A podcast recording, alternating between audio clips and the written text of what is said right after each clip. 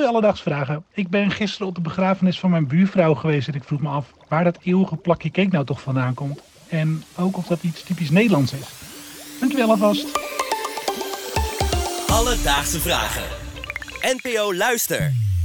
Dankjewel, Arno uit Woerden. En eh, nog gecondoleerd ook. Dat moet je er altijd wel even bij zeggen bij zo'n vraag. Toevallig las ik deze week nog een artikel in de Volkskrant ehm, over de grote cake-test in Museum Tot Zover. Dat is een museum over de dood in Amsterdam. Ik ben er nog nooit geweest. Ik ga hem op mijn lijstje zetten. Ik eh, ben er ook nog nooit geweest. Koffie en cake, heb je die wel eens gehad? Die heb ik wel eens gehad, ja zeker. Ja, kan je je laatste begrafenis waar dat was nog herinneren? Ja, nou dan moet ik gelukkig even in mijn geheugen graven. Maar dat was denk ik eh, mijn opa. En jazeker, daar was ook de klassieke combinatie koffie met een cakeje bij. Uh, zelf heb ik het vermoeden dat de koffie en de cake net zo Nederlands zijn als de plakjes worst en kaas op een verjaardag.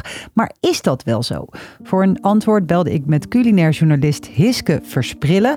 Zij werkte uh, mee aan het Volkskrant artikel, die ook weer meedeed aan de grote cake-test. Ah. Heeft zij ook gedaan, ja zeker. Uh, zij heeft uitgezocht waar de traditie van het plakje cake op de begrafenis vandaan komt.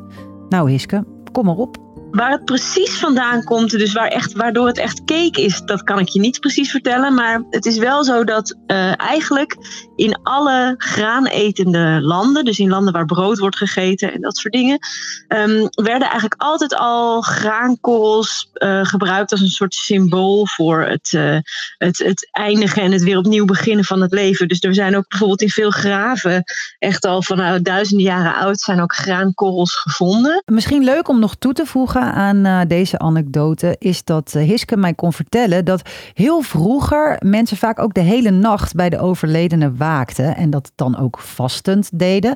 En als je daarna nog de uitvaartdienst had, ja, dan kon je wel even een koolhydraatrijke oppepper gebruiken. Ja, dat kan ik me voorstellen. Toch? Ja, want die diensten, zeker in religieuze kringen, duren niet kort hoor. Nee, nou dan wil je wel wat op je maag hebben voordat je daar uh, uren staat. Ja, zeer zeker. Even door naar dat uh, Nederlandse. Want die koffie en die cake, nou ja, dat lijkt me wel echt heel Nederlands, toch? Nou, het, het is wel, de, echt het plakje cake is wel echt heel erg Nederlands. Je had vroeger in Nederland ook eigenlijk per regio ook weer andere soort doodskoeken, werd dat dan genoemd. Dus andere soorten zoete uh, ja, zoete baksels die bij, rond een begrafenis werden gegeten.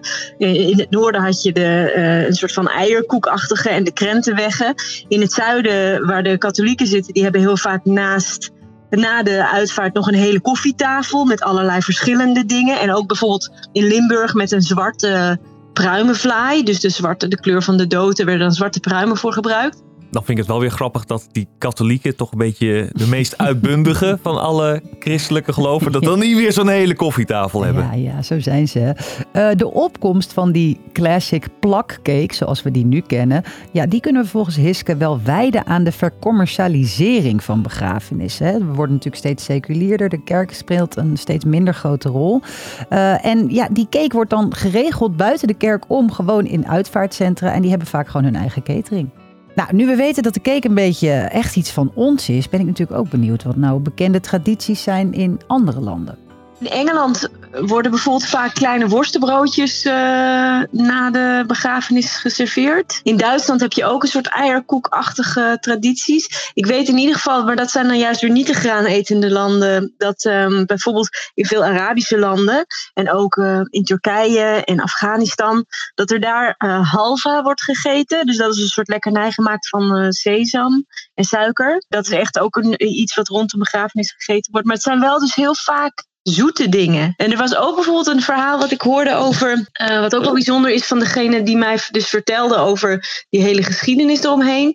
Die was in Senegal naar een uitvaart geweest. En wat ze daar deden was dus ook een soort koek bakken. Maar die koek legden ze dan ook op het lichaam van de overledene. En daar had dan iedereen een stukje van, waardoor je dus ook weer, nou ja, symbolisch een, een echt een deel van de overledene met je meenam. Alledaagse vragen. Nou heeft Hiske natuurlijk ook meegedaan aan de grote cake smaaktest. Dus ik wil ook wel weten, wat is nou de lekkerste begrafeniscake? Ja, oké, okay, dat is wel iets wat we moeten weten. Waar, waar wij bij dat proeven heel erg tegenaan liepen, is dat we ook bij zo'n uitvaart wil je niet iets dat te veel van de uh, mensen vergt. Want die mensen zijn in de rouw, die willen niet te veel kauwen, die willen niet dat het te veel kruimelt en je wil ook niet een te sterke smaak. Dus wat wij bedachten dat echt het beste is, is, is gewoon een malse, smeuige, beetje een smeltende cake met lekker veel boter erin. En dan misschien met een, een likje citroenrasp of een heel klein beetje vanille, maar niet te veel. Je moet echt vooral lekker die boter en uh, het zoet proeven. Even iets anders. Ik heb ook onlangs gelezen, we hadden natuurlijk laatst in uh, de podcast over bitterballen. Bitterballen ook in opkomst zijn bij begrafenissen. Zeker, dat heb je helemaal goed. Ook dat heeft weer te maken met de secularisatie eigenlijk van, van de uh, begrafenis.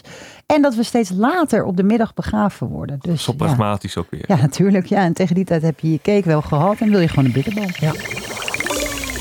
Dus uh, Arno, waar die cake bij een begrafenis precies vandaan komt, ja, dat kunnen we niet achterhalen. Wel weten we dat er in landen waar graan een grote rol speelt, al vrij snel broodachtige producten, later in combinatie met zoet, is teruggevonden in en rondom begrafenistradities. Het bekende plakje cake en de kop koffie, ja, dat zou je wel echt Nederlands kunnen noemen. Voorheen hadden vele Nederlandse regio's hun eigen soort doodskoeken. Maar toen de uitvaartbranche steeds meer een commercieel gebeuren werd, sloop het plakje cake erin. Ja, koolhydraatrijk en zoetig eten wordt als troostend ervaren. Dus voorlopig zijn we er waarschijnlijk nog niet vanaf. Heb jij nou ook nog een vraag? Dan kun je ons een berichtje sturen. Dat kan via Instagram naar Alledaagse Vragen. Of je kan een mailtje sturen naar alledaagsvragen.bnnvara.nl en dan zoek ik het voor je uit. Alledaagse Vragen. NPO Luister. BNN Vara.